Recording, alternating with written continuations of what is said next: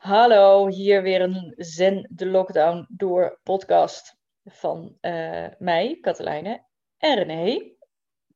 En van mij dit keer ook uh, erbij. En uh, nou, wij zijn natuurlijk ook nog steeds niet 24/7 Zen. Dus we zaten zo deze podcast eens voor te bespreken. Ik zeg tegen René, maar wat speelt er nu in de wereld qua gevoel? Waar staan mensen nu? Is het hoopvol? Is het gelaten? Is het verdrietig? Is het saai? Is het bang? Is het boos? Is het uh, blij? Is het energiek? Is het toch het nieuwe normaal geworden? Nou, je denkt, oké, we doen weer een verlenging. Wat kan ons het schelen? We gaan weer even door. Uh, nou, we denken het is misschien van alles een beetje wat. Maar wat ik zelf merk is dat uh, de dag me vaak nog wel een beetje overkomt. Dus ik ben uh, vanmorgen uh, keurig begonnen met eerst de, de oefening met de ademhalingen en met. en, en daarna van, ja, maar waar ben ik nou dankbaar voor? En waar wil ik mijn. wat zijn mijn intenties? Waar, dus, dus ik heb wat cursusjes stemmingsmanagement bij René gehaald. En René die noemt dat, ik noem dat een cursusje stemmingsmanagement, maar dat zit natuurlijk op een veel diepere laag. Het primen van je onbewuste. Wat doe jij bijvoorbeeld in de ochtend of s avonds voordat je gaat slapen, waardoor dat hele grote onbewuste uh, zorgt dat het een beetje fijn blijft van binnen, zonder dat je daar dan de rest van de dag werk aan hebt. En ik merk het, want ik heb het vanochtend voor het eerst weer eens even geconcentreerd gedaan. En ik heb een hele andere, veel vrolijkere ochtend gehad dan die normaal is. Dus René, wil jij daar eens wat over vertellen, hoe dat dan zit? Ja, want, want uh, je, zegt het, je hebt het over stemmingsmanagement. En ik moet dan ook denken dat blijkbaar kan je dat managen. Zonder dat je er heel moedwillig iets voor hoeft te doen. Je moet er van tevoren misschien wel wat voor doen. Want uh, je herkent misschien wel dat al die stemmingen je gewoon overkomen. Van, oh, nu maak ik me in één keer zorgen. Of nu uh, voel ik in één keer angst. Oh, ik heb in één keer weer hoop. Of nou ja, alles wat zo door elkaar kan lopen. Überhaupt in het leven, maar zeker in deze tijd. En als het gaat over primen van je onbewuste. Dus dat woord uh, primen is eigenlijk een soort van voorbereiden. Als je, als je een, een, een muur gaat verven, dan kan je die ook eerst primen zodat als je daarna de verf erop doet, dat die beter blijft zitten. En uh, het primen van je onbewuste betekent eigenlijk dat je je onbewust gaat voorbereiden op dat wat jij wil. Want hoe het werkt met ons is dat alles, maar dan ook alles wat je meemaakt, relateer je steeds weer aan dat wat er van binnen al is. Aan herinneringen, aan uh, de breinpaadjes die je al hebt gelegd. Uh, dus je kan eigenlijk alles wat je meemaakt, moet je steeds weer relateren aan alles wat jij zelf al ooit een keer als een herinnering hebt opgeslagen of hebt meegemaakt, een ervaring die je hebt gehad, overtuigingen die je er daardoor hebt gekregen, waardoor iets wat je meemaakt meteen bijvoorbeeld een bepaalde stelling oproept van zorgen of hey, saaiheid of wat dan ook. Dus als je nou van tevoren in je onbewuste iets zet, een ervaring, wat je graag zou willen hebben, ga je alles wat je daarna meemaakt, bijvoorbeeld die dag, relateren daaraan. Daar hoef je niks voor te doen. Dat doet je onbewuste dan eigenlijk gewoon.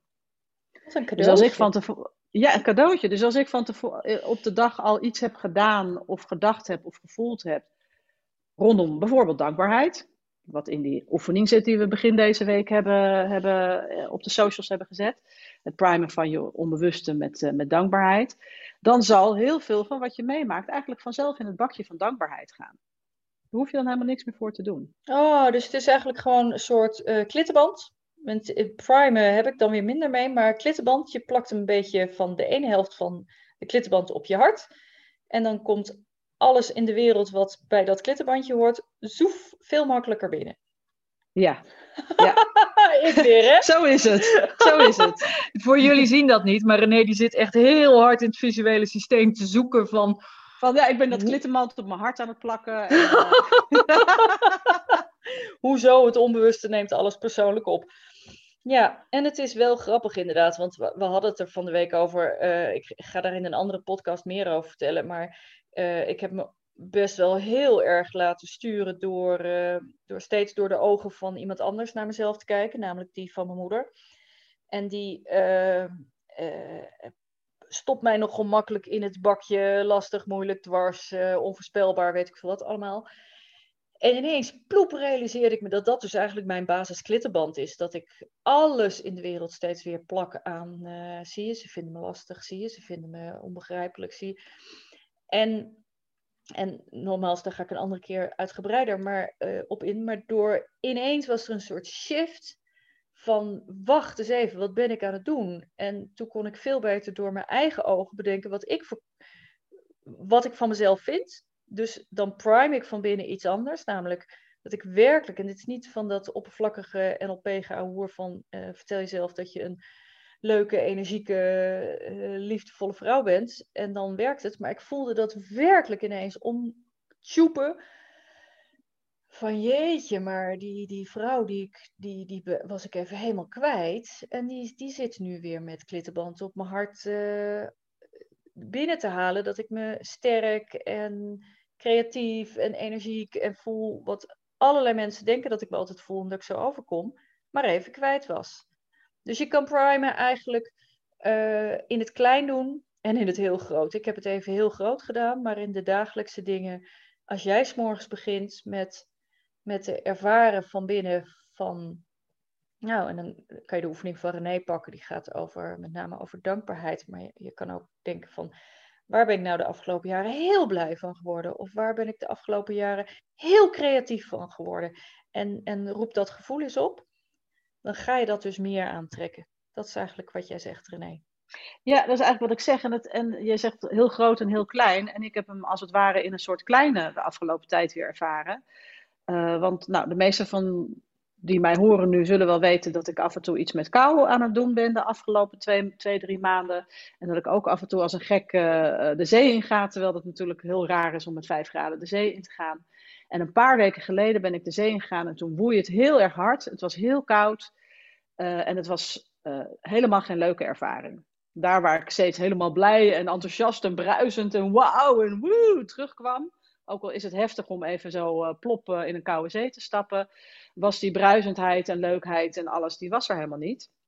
En vervolgens ben ik vier weken de zee niet in geweest. Omdat ik die ervaring zat geprimed inmiddels weer in mijn onbewuste. En elke keer als ik dacht van, goh, zal ik dat weer eens doen? Dacht ik, uh, nee, bah, waarom doe ik dat eigenlijk? En dat is helemaal niet nodig. En ik douche al koud, dus ik hoef die zee niet in. En het is wel interessant. Dus mijn onbewuste, of mijn bewuste eigenlijk, was alweer vergeten dat er ook nog heel veel ervaringen in zaten. Eigenlijk veel meer dat ik het helemaal geweldig vond. Nou, dus ik sprak het uit naar, uh, naar een van onze collega's waarmee ik wel eens ga, Wendy. En uh, ik had gezegd van ja, maar ik was eigenlijk, uh, ze hadden een onwijs mooie duik gedaan terwijl het vroor en de zon scheen en weet ik het wat. ik zeg ja, maar ik durf niet meer. En dat was wel heel lief, want ze was een hele mooie hulpbron voor me. Ze zei ze van, zullen wij dan samen weer een keer gaan? En dat was precies het, wat ik even nodig had om het drempeltje weer over te gaan. En vanmorgen ben ik geweest en ik voelde angst. Van ja, maar dan ga ik misschien weer dat het zo naar gaat worden. Dus het is interessant, je onbewuste, je kan het primen met dingen zoals je, ja, met allerlei nare herinneringen. En die zitten er dan ook gewoon. Maar dan moet je er dus eigenlijk weer iets overheen plakken. En soms ook even er doorheen gaan van, oh ja, ik vind het eng. Maar ik weet ook dat het me wel iets gaat opleveren. Want ik heb twintig keer was het goed en één keer was het niet goed. Ik moet even denken het is aan... Uh, het was ik... overigens weer heel erg lekker vanmorgen. Dus uh, ik heb hem weer opnieuw geprimed dat het heel lekker is. En vervolgens heb ik nu die hele dag dat, dat bruisende gevoel. Dus alles wat ik meemaak, of ik deze podcast nou opneem, of uh, uh, dat we het over vaccinaties hebben, wat wel en niet goed is. Of dat we het hebben, of dat ik trainingen moet gaan herplannen. Wat ik eigenlijk natuurlijk helemaal geen leuk klusje vind. Want ik wil gewoon gaan trainen in plaats van dat ik ze herplan. Dat gaat toch vanuit dat bruisende gevoel. En dan is het toch anders. Ja, ja. En bij mij werkt het dan bijvoorbeeld met in de zee springen. Dat ik eigenlijk ook me onbewust alweer prime. Ja, voor iets wat ik maar ik vind het wel mooi wat je ook zegt. Ik moet er even aan denken, want ik heb volgende week een afspraak met de huisarts gemaakt. Um, om, om wat dingetjes te bespreken. Ik heb een auto-immuunziekte. En ik zat al in de stress bij het maken van die afspraak. En dan denk ik, oh ja, dat is, dat is eigenlijk jouw zeeverhaal. Van ik heb zoveel dokters meegemaakt dat ik me niet begrepen en in een hoekje geduwd voelde. Dus dat roep ik meteen op. En eigenlijk zeg je dan, uh, ja, maar er zitten ook wel successen. Want er zijn ook momenten geweest dat ik er heel veel aan gehad heb. Dus die moet je dan eigenlijk weer wat naar boven halen, zodat je dat primet. En dan gaat het er helemaal niet om of een dokter nou wel of niet leuk is, maar dat de gedachte dat je daar naartoe moet je in een staat brengt waar je geen zak aan hebt, zoals ik, dat ik dan rustig nu een week kan zitten van, hé, moet ik weer naar een huisarts? Geen zin. Dus dat, ook in dat soort dingen kun je dat dus omtunen door bewuster te zijn in deze context, huisarts of in de context in de, in springen. Verbind me weer met de. Ik, eh, eh, en laat ik het nog platter slaan. Misschien heb je de laatste keren dat je je, je oudste kind met huiswerk aan het helpen wel, had, wel knetterende ruzie gehad of zo. En koppel je dus nu huiswerken aan stress. En heb je misschien ook wel heel veel keren heel erg gezellig met je kinderen aan de keukentafel zitten werken aan iets. Dus in het groot, in het klein, in het praktisch, in het abstract. Je kunt het eigenlijk overal toepassen. Dus misschien kun je zelfs s'morgens, en ik, dat, dat komt ook een beetje zo uit, uh, uh, wat is dat, The Secret en al dat soort dingen. Dus dan vind ik het wat zweverig. Dus ik vind het leuker dat jij even uitgelegd hebt hoe dat dan in het onbewuste werkt. Dus je kan s'morgens denken, in welke stemming wil ik vandaag de dingen doen die ik doe. Ja, en dan kan die oefening primen van je onbewuste je heel erg bij helpen. Dat is eigenlijk een hulpmiddel. En je hebt hem zelfs niet eens nodig. Maar vaak is het wel lekker uh, uh, voor je onbewuste om ook weer te gaan leren van, oh ja, maar ik kan dus ook gewoon dat in mezelf stoppen. of misschien wel voor je bewuste dat te leren. Ik kan ook gewoon iets in mezelf stoppen wat fijn is. Hè? Een fijn klittenband aan mijn hart zetten in plaats van naar klittenband aan mijn hart zetten. Ik vind het. Uh, ik vind heel erg te lachen. En ik ben zo benieuwd.